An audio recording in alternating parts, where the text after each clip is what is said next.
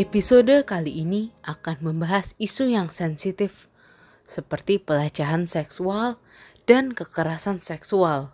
Diharapkan pendengar memiliki kebijaksanaan dan kedewasaan dalam mencerna episode ini. Terima kasih.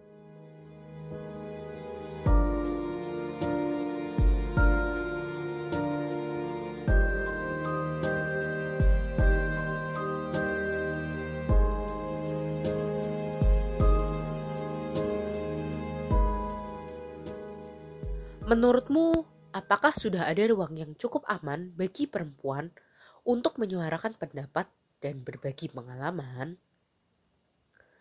Apakah saat ini ada tempat bagi perempuan untuk menceritakan pengalaman tidak mengenakan tanpa mengkhawatirkan apa pendapat orang? Bagi sebagian teman, terutama perempuan, pasti pernah mengalami kejadian yang tidak enak dalam hidup dan enggan menceritakannya ke orang lain karena berbagai alasan. Biasanya, kejadian yang dialami merupakan sesuatu yang sensitif, sehingga rasa takut untuk bercerita semakin besar. Tentunya, rasa enggan dan malu untuk bercerita ini akan membebani pikiran dan mengisolasi seseorang. Rasa terisolasi ini membuat seseorang makin enggan untuk angkat bicara dan juga membuatnya makin terpisah dari dunia luar. Pandangan terbatas bisa membuat seseorang makin curiga pada sekitarnya. Layaknya seseorang yang berteriak dalam gua, rasa enggan, malu, dan sendirian seakan menggema berlarut-larut. Untuk mengatasi rasa terisolasi ini, seseorang memerlukan tempat di mana ia aman untuk membuka percakapan. Untungnya, berbagai komunitas di mana seseorang bisa berbagi kisah dan pengalaman mulai banyak bermunculan di ranah daring. Halo Jane, Eva, dan teman-teman semua. Perkenalkan nama aku Nova. Aku adalah founder dari Perempuan Bicara, tapi saat ini juga menjabat sebagai sekretaris di Women March Jember.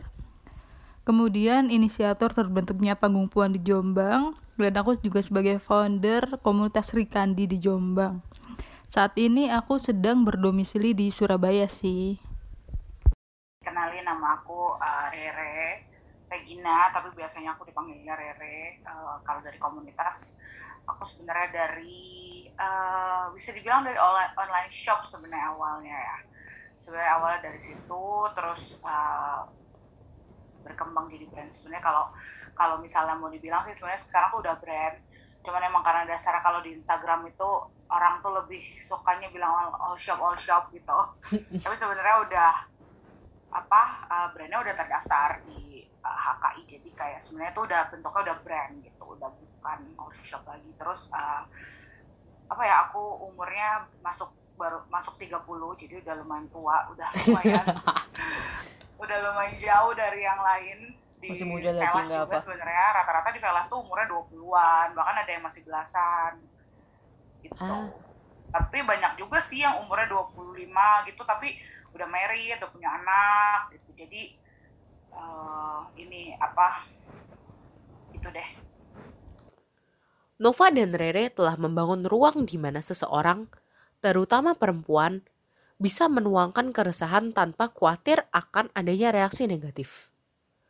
Bentuk kedua ruang ini sangat berbeda. Perempuan bicara yang dibangun oleh Nova memang dibangun dengan tujuan untuk mengayomi penyintas dan membantu mereka mendapat dukungan hukum. Sebenarnya waktu itu tuh ini sebenarnya perempuan bicara dibentuk atas dasar keprihatinan terhadap banyaknya pelanggaran hak serta praktek diskriminasi ya yang terjadi pada perempuan.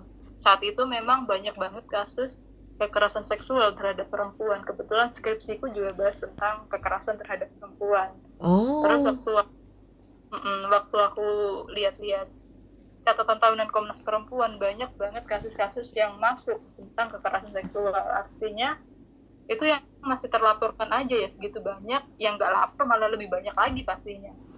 Perempuan bicara ini hadir sebagai wadah untuk penyintas atau korban-korban kekerasan seksual untuk menceritakan kekerasan yang dialaminya gitu. Jadi kalau misalnya dia nggak berani lapor ke Komnas Perempuan atau ke LBH atau ke lembaga-lembaga terkait mereka bisa cerita ke kita. Gitu. Kita punya perempuan bicara punya jargon yaitu mari bicara dan bersua karena kamu gak sendiri gitu. Artinya perempuan bisa bicara ini berusaha untuk menjembatani para penyintas atau korban-korban kekerasan seksual untuk mendapatkan hak-haknya.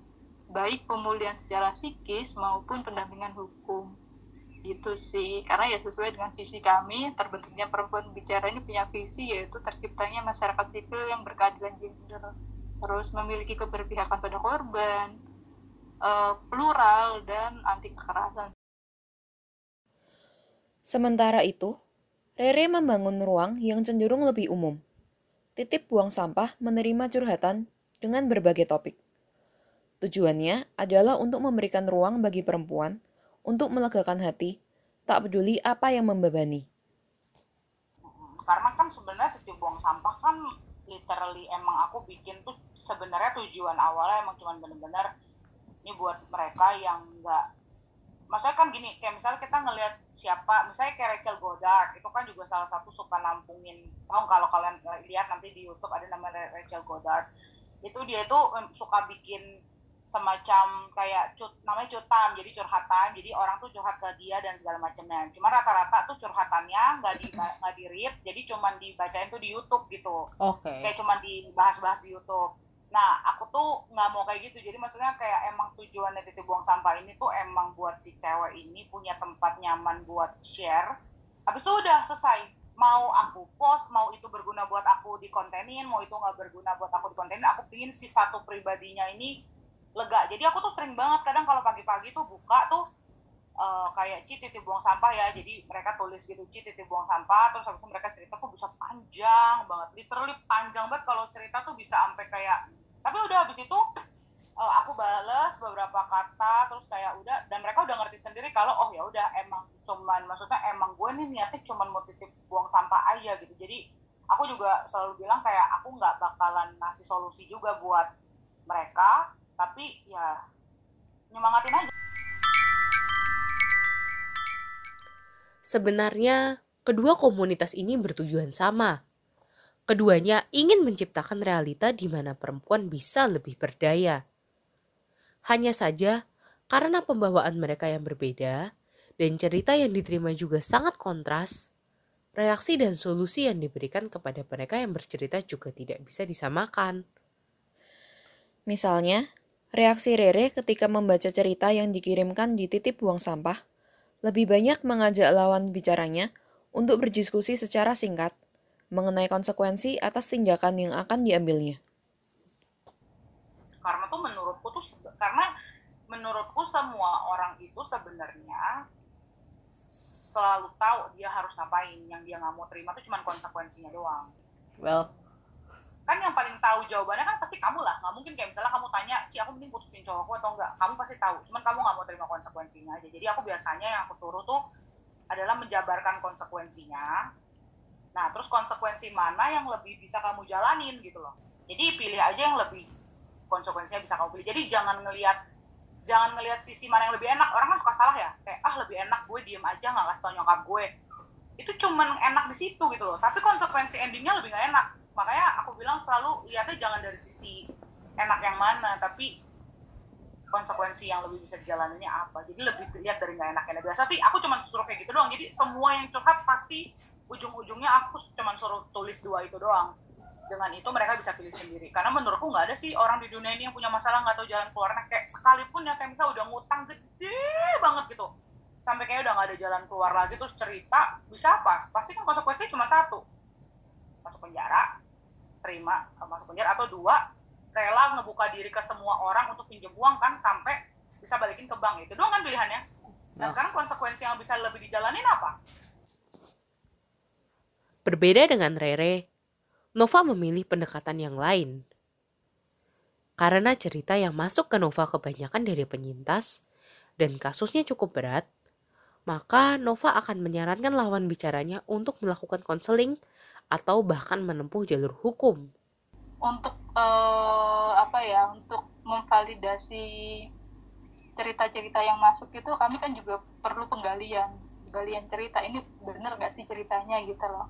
Jadi kita gali terus, terus baru memetakan apa sih kebutuhan dia butuh pemulihan secara psikologis atau pendampingan hukum gitu kalau dia butuh pendampingan hukum kita bantu rujuk ke lembaga penyedia layanan yang memang khusus menangani kasus-kasus kekerasan seksual di ranah hukum atau misal dia cuma butuh pendampingan psikologis kita bantu dia menemukan lembaga yang khusus mendampingi uh, pemulihan psikologis di daerah dia gitu. jadi jadi perempuan bicara ini bermitra atau bekerja sama dengan lembaga-lembaga di berbagai daerah gitu. karena kan korban-korban yang masuk ke kami nggak semuanya orang di sekitarku ya pasti se-Indonesia. Ada yang dari uh, mana-mana gitu. Ada yang dari Malang, dari Bandung, dari Bogor dan sebagainya. Jadi karena kami terbatas kebetulan aku juga domisili di Surabaya aku nggak bisa menangani yang di luar Surabaya. Makanya kita perlu berjejaring dengan lembaga-lembaga di berbagai daerah. Gitu. Jadi kalau misalnya ada korban yang cerita ke kami misal dia orang Bandung ya kita rujuk ke lembaga layanan yang ada di Bandung biar didampingi biar dia didampingi oleh teman-teman yang ada di Bandung gitu. Hal ini dilakukan Nova karena sesuai dengan tujuan dibentuknya komunitas perempuan bicara, mereka ingin mendampingi lebih banyak penyintas. Lewat jaringan komunitas yang dibangunnya, Nova ingin menjangkau dan membantu lebih banyak orang di Indonesia kalau harapannya pastinya uh, lebih banyak membantu banyak orang ya. Misal kalau sekarang kita cuma membantu uh, 3.000 orang karena uh, followers perempuan bicara masih 3.900an ya. Kalau misal sekarang kita cuma bisa bantu segitu harapannya ke depannya kita bisa bantu lebih banyak orang lagi. Jadi merangkul lebih banyak orang terus menyadarkan orang-orang juga untuk uh, aware dengan isu-isu kekerasan seksual terus menyadarkan orang juga bahwa sebenarnya sesama perempuan harusnya saling mendukung bukan saling menjatuhkan bukan saling ngehujat saling bully atau saling ngejudge gitu sih Tentunya, keinginan untuk membesarkan komunitas yang dibangun ini bukan tanpa tantangan. Bagi Nova, tantangan yang sering diterima aktivis perempuan adalah dianggap liberal dan merupakan seorang pemberontak uh, tantangannya apa ya? Karena mungkin tantangan yang mendasar atau yang umum diterima oleh teman-teman aktivis-aktivis perempuan tantangannya mungkin dicap liberal ya. Terus dianggap nggak bisa diatur ini perempuan kalau kebanyakan ngomong ini pasti nggak bisa diatur deh gitu. Jadi seolah-olah perempuan yang berdaya atau perempuan-perempuan yang uh, berani speak up dianggap ya susah diatur gak nurut dan lain sebagainya. Itu masih ada sih di Indonesia yang ngecap kayak gitu. Terus mungkin dianggap juga ah, perempuan yang banyak ngomong atau perempuan yang berdaya ini pasti mendominasi dalam sebuah hubungan gitu. Padahal kan aslinya enggak padahal teman-teman aktivis perempuan teman-teman feminis itu mereka menginginkan hubungan yang setara antara perempuan dan laki-laki. Gak ada yang saling mendominasi gitu tapi kebanyakan mindset orang-orang kan kalau lihat perempuan yang berdaya kan wah ini pasti gak bisa diatur ini pasti mendominasi nih dalam sebuah hubungan gitu. Terus mungkin tantangannya juga dianggap pro seks bebas atau pro LGBT padahal sebenarnya uh, perempuan bicara dan aktivis-aktivis lain, perempuan lainnya juga kita uh, menentang adanya kekerasan terhadap perempuan. Kita menentang adanya kekerasan seksual baik terhadap perempuan, terhadap anak dan kelompok rentan lainnya. Jadi nggak cuma perempuan ya. Jadi siapa pun yang menjadi korban kekerasan seksual pasti kita dukung. Melalui komunitas ini juga, Nova ingin meluruskan bahwa yang diinginkan komunitasnya dan teman-teman aktivis lainnya adalah kesetaraan. Nova juga menekankan bahwa dengan dibangunnya komunitas ini, ia dapat selalu mengingatkan sesama perempuan untuk saling mendukung satu sama lain. Tentunya agar ruang aman yang ada semakin baik kualitasnya. Hmm, kalau misal teman-teman ada saudara atau kerabat atau mungkin teman kalian cerita tentang kekerasan seksual ke kalian gak usah dihakimi atau gak usah dijudge soalnya banyak nih kalau misal ada orang yang cerita ke, tentang kekerasan seksual ke kita misal pasti banyak orang yang masih kayak menyalahkan korban. Misalnya disalahkan ih salah sendiri bajunya terbuka makanya di salah sendiri keluar malam-malam makanya dilecehkan dan lain sebagainya itu. Nah uh, semoga uh, teman-teman yang nonton eh dengerin podcast ini juga bisa tersadarkan bahwa kalau misalnya ada korban-korban kekerasan seksual yang cerita ke kalian kalau teman-teman gak bisa ngebantu seenggaknya jangan nyalain gitu loh. Dia karena dia udah korban jangan sampai dia jadi korban dua kali dengan statement-statement yang gak, seharusnya dia dapat gitu dengan statement yang nyalain korban gitu. Jadi kalau misalnya teman-teman gak bisa bantu minimal diem aja deh jangan nyalain gitu.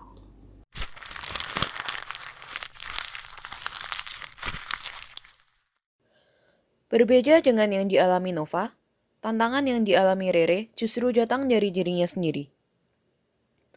Karena berawal dari berjualan online, Rere tidak ingin terlalu fokus jualan dan melupakan forum titip buang sampah yang dibuatnya.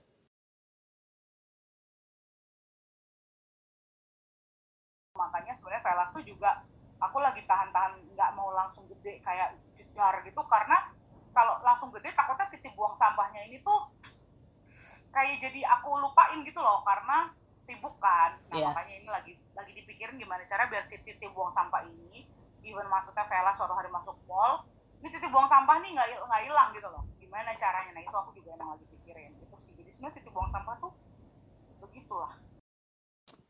Dalam perjalanan berkembangnya titip buang sampah Rere menemukan fakta bahwa kebanyakan orang enggan bercerita dengan teman atau orang di sekelilingnya karena takut dihakimi. Ya kadang kan kita kalau misalnya kayak cewek tuh kepingin aja kan kayak mau buang buang buang sampah. Tapi kalau ke teman kadang kan suka dijudge kan. Kayak yes, iya kita suka dijudge. Atau misalnya kita punya toxic relationship tapi ceritanya ke temen. Temennya kan pasti bakal putus lah putus lah gitu. Tapi kan kadang kalau misalnya kita nggak bisa buang sampah itu kadang kita nggak bisa mikir kalau kita tuh gitu loh ngerti gak? Iya sih, iya sih. Ujungnya karena rasa ujung-ujungnya karena rasa takut itu cerita ke teman karena langsung dibego-begoin, akhirnya nggak cerita. Nah tapi ketika cerita ke sama, sama aku, aku nggak mungkin dong. Tapi kan aku akan kasih tau kayak misalnya kalau menurutku sih itu salah ya. Nah ketika orang lain yang ngomong itu nggak ada hubungan apa-apa sama hidupnya dia, dia tuh akan lebih kayak lebih mikir. Kayak gue salah ya, gitu loh bang. Yeah, yeah. Tanpa sadar dia malah lebih dengerin aku dibanding teman sebelahnya karena dia pikir kalau teman sebelahnya tuh cuman judging aja jadi dia udah keburu jaga jarak sama temen Hal yang sama juga dialami Nova ketika berhadapan dengan penyintas atau teman-teman yang berbagi cerita dengannya. Kerap kali, ia menerima curhatan dari penyintas yang menggunakan akun palsu atau akun anonim. Biasanya, mereka menggunakan cara ini karena mereka terlalu takut untuk bercerita, tetapi sudah tidak kuat menyimpannya sendiri karena kan banyak orang yang nggak berani buat speak up ya orang-orang terdekat akhirnya ya kita hadir untuk mewadahi teman-teman yang nggak berani buat speak up ke orang-orang terdekat itu. Jadi banyak juga sih yang cerita ke kami mereka kadang pakai fake account. Terus kadang uh, WA ke aku pakai nomor nomor yang gue identitasnya nggak mau disebutin gitu gitu biasanya orang-orang yang cerita ke kami korban-korban kekerasan seksual mereka emang aku menyadari bahwa mereka nggak mudah untuk speak up. Jadi pasti mereka satu uh, pertama tuh mereka bakal malu cerita jadi makanya mereka menutupi identitasnya dengan mungkin cerita pakai account pasti mereka awal-awalnya juga waktu DM kita atau WA kita juga bilang maaf ya kak aku pakai fake account soalnya aku malu gitu gitu loh Nova berharap ke depannya semakin banyak orang yang bisa menjadi pendengar yang baik. Ya, ayo sih kita semua berlatih untuk berpihak pada korban. Masyarakat perlu dilatih untuk keberpihakan pada korban. Jadi ketika ada tetangganya mengalami kekerasan seksual, jangan dijudge atau jangan dijauhin atau jangan dianggap sebelah mata atau dianggap buruk atau dianggap udah nggak suci dan lain sebagainya. Udah saatnya kita sesama perempuan bukan saling menjatuhkan tapi saling mendukung karena aku percaya perempuan akan punya power perempuan akan berdaya kalau kita bisa saling dukung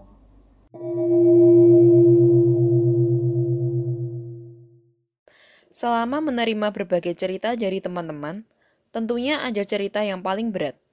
Bagi Rere, cerita itu adalah tentang seorang anak perempuan yang menangkap ayahnya selingkuh. Paling parah sih menurutku pernah waktu ada yang apa ngelihat papa itu selingkuh jadi kayak lagi ngeliat papa selingkuh dia orang yang pertama dia DM tuh Velas gitu loh itu subuh subuh dia ngikutin bokapnya sama pacarnya jadi dia sama pacarnya ngikutin bokapnya terus akhirnya mergokin bokapnya dan dia langsung DM aku. Gitu di sebelahnya tuh ada pacarnya. Jadi dia bilang kayak malu juga sama pacarnya. Itu aku sedih sih. Kayak duh kok dia sedih satu sedih masalah dia dua sedih kenapa dia ingetnya aku gitu ya. Kayak saking susah banget ya. Kayak jadi mikir kayak kalau orang tuh punya masalah kayak gitu susah ya cerita ke temen deket ya. Kayak pasti bingung gitu kan mau gimana. Ya kayak dia tahu nih gak mungkin banget dia DM temennya gitu atau chat temennya karena nggak tahu mesti gimana kan. Takutnya emosional malah ujung-ujungnya kok ngasih tau aib keluarga tapi kalau ke aku kan mungkin kayak dia, dia juga nggak kenal dia juga nggak bakal ketemu ketemu di jalan kemungkinannya kecil banget kan ketemu di jalan Sedangkan yang diterima Nova, yang menurutnya paling berat adalah ketika menerima cerita tentang sesama anak. Mungkin kalau kasus aku pernah ada klien, aku pernah dia pernah cerita di perempuan bicara kalau dia oleh tetangganya sendiri. Jadi dua kakak beradik nih tetangganya itu dua orang dua kakak beradik masih kecil-kecil masih usia 8 tahunan kali. Korbannya saat itu masih usia lima tahun masih kecil. Uh, diajak main petak umpet kemudian korbannya ini diajak sembunyi ke kamarnya pelaku kedua dua pelaku itu yang masih kecil-kecil kemudian setelah diajak ngumpet dia berdalih pelakunya berdalih mau ngajakin permainan baru. Nah permainan barunya itu dengan menempelkan alat kelamin pelaku ke korban gitu. Akhirnya anak kecil lima tahun yang masih kecil itu oleh anak kecil juga yang masih usia 8 tahun. Dua dua anak kecil itu. Nah korbannya baru menyadari kalau itu adalah sebuah ketika dia masuk SMP bagi Nova pendampingan yang harus ditempuh untuk kasus ini cukup menguras waktu dan tenaga karena saat itu korban mengalami stres pasca trauma dan pemulihannya memakan waktu yang panjang. Hal ini juga mendorong Nova untuk mendesak pemerintah agar segera mengesahkan hukum yang melindungi korban dan mendukung pemulihannya.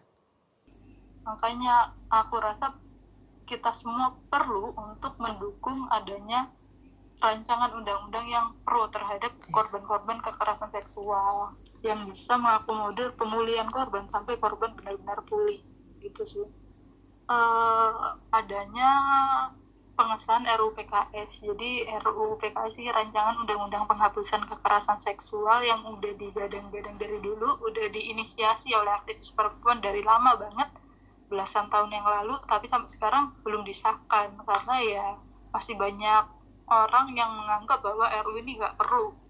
Itu aku rasa para pelaku kali ya yang menganggap bahwa RUU ini nggak perlu padahal sebenarnya RUU ini perlu banget untuk melindungi korban-korban kekerasan seksual Menurutnya, yang paling berat bagi seorang penyintas adalah menyembuhkan trauma itu sendiri. Hmm, sebenarnya eh, beda-beda ya. Cuman mungkin kebanyakan korban-korban kekerasan seksual ini pasti dia mengalami trauma. Nah, traumanya ini yang berat untuk disembuhkan. Jadi bisa sampai bertahun-tahun. Kadang mungkin uh, meskipun dia udah menikah, tetap traumanya masih ada. Sampai sekarang juga masih ada gitu. Sayangnya, hukum yang ada saat ini masih belum berpihak pada korban. Masih banyak pasal-pasal karet yang justru menjebak korban.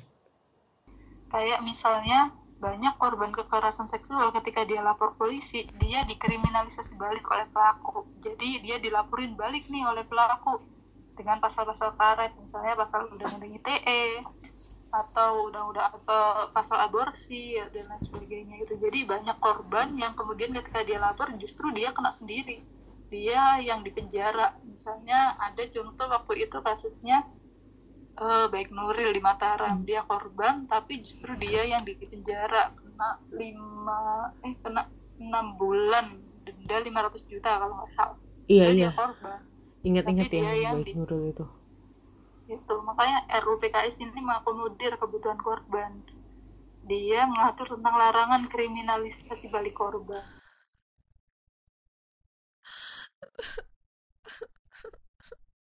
Nah, meskipun banyak hal yang berbeda yang dilakukan Nova dan Rere, pesan mereka bagi teman-teman yang saat ini tengah berjuang untuk pulih dari trauma dan berbagai kejadian yang tak mengenakan tidak jauh berbeda.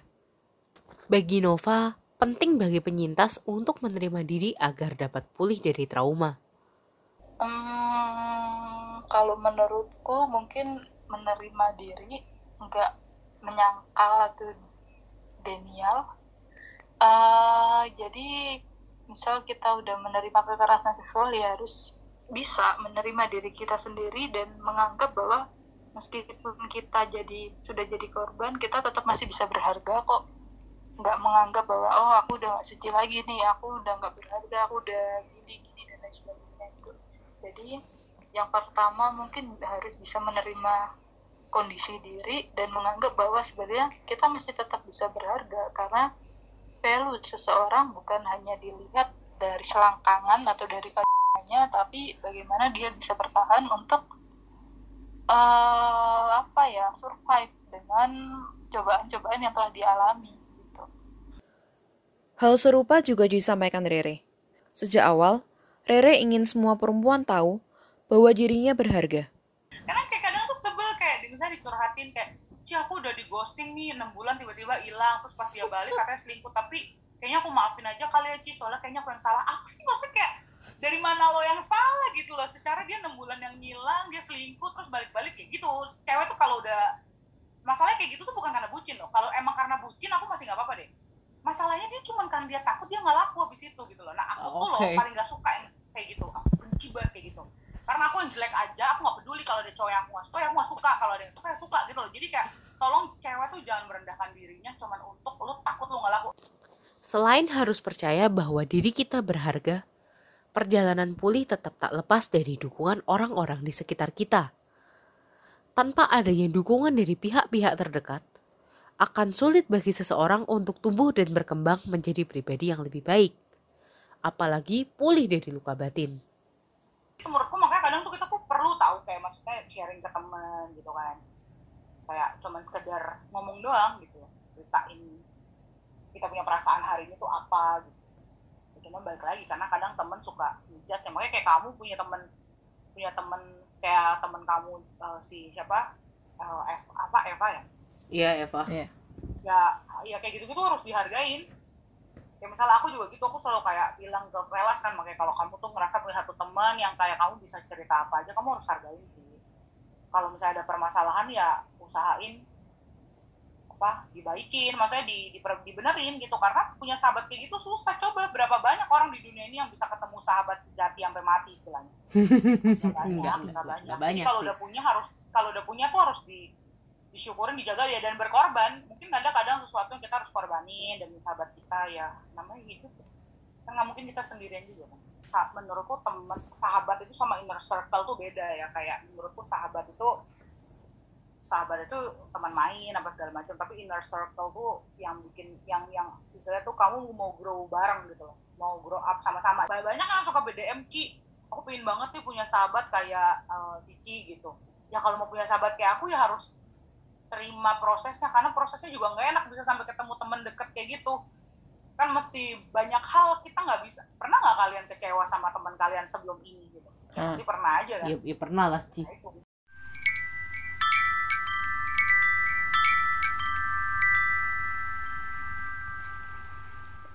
Mengembangkan komunitas yang ramah bagi perempuan memang tidak mudah. Berbagai tantangan muncul dalam pembuatan dan pemeliharaan ruang bincang. Namun, tujuan berbagai komunitas ini sama. Untuk menciptakan ruang aman bagi perempuan untuk mengeluarkan isi kepala dan menuangkannya ke dalam kata tanpa risiko kehilangan teman, keluarga, ataupun status. Pada akhirnya, komunitas-komunitas ini ingin menciptakan masa depan di mana perempuan mampu dan berdaya, serta menyadari keberhargaan diri sendiri dan sesamanya. Tentunya, komunitas dalam skala besar memiliki lebih banyak tantangan. Meski begitu, bukan berarti kita tidak bisa menciptakan ruang bicara yang aman bagi kita sendiri. Dengan memelihara hubungan baik dengan orang-orang terdekat, kita bisa menciptakan ruang bicara bagi lingkaran sosial kita sendiri. Dalam episode terakhir podcast ini, kita akan melihat benang merah yang bisa kita tarik dari pendapat teman-teman dari semua episode The Pink Pot. Sampai jumpa di episode berikutnya.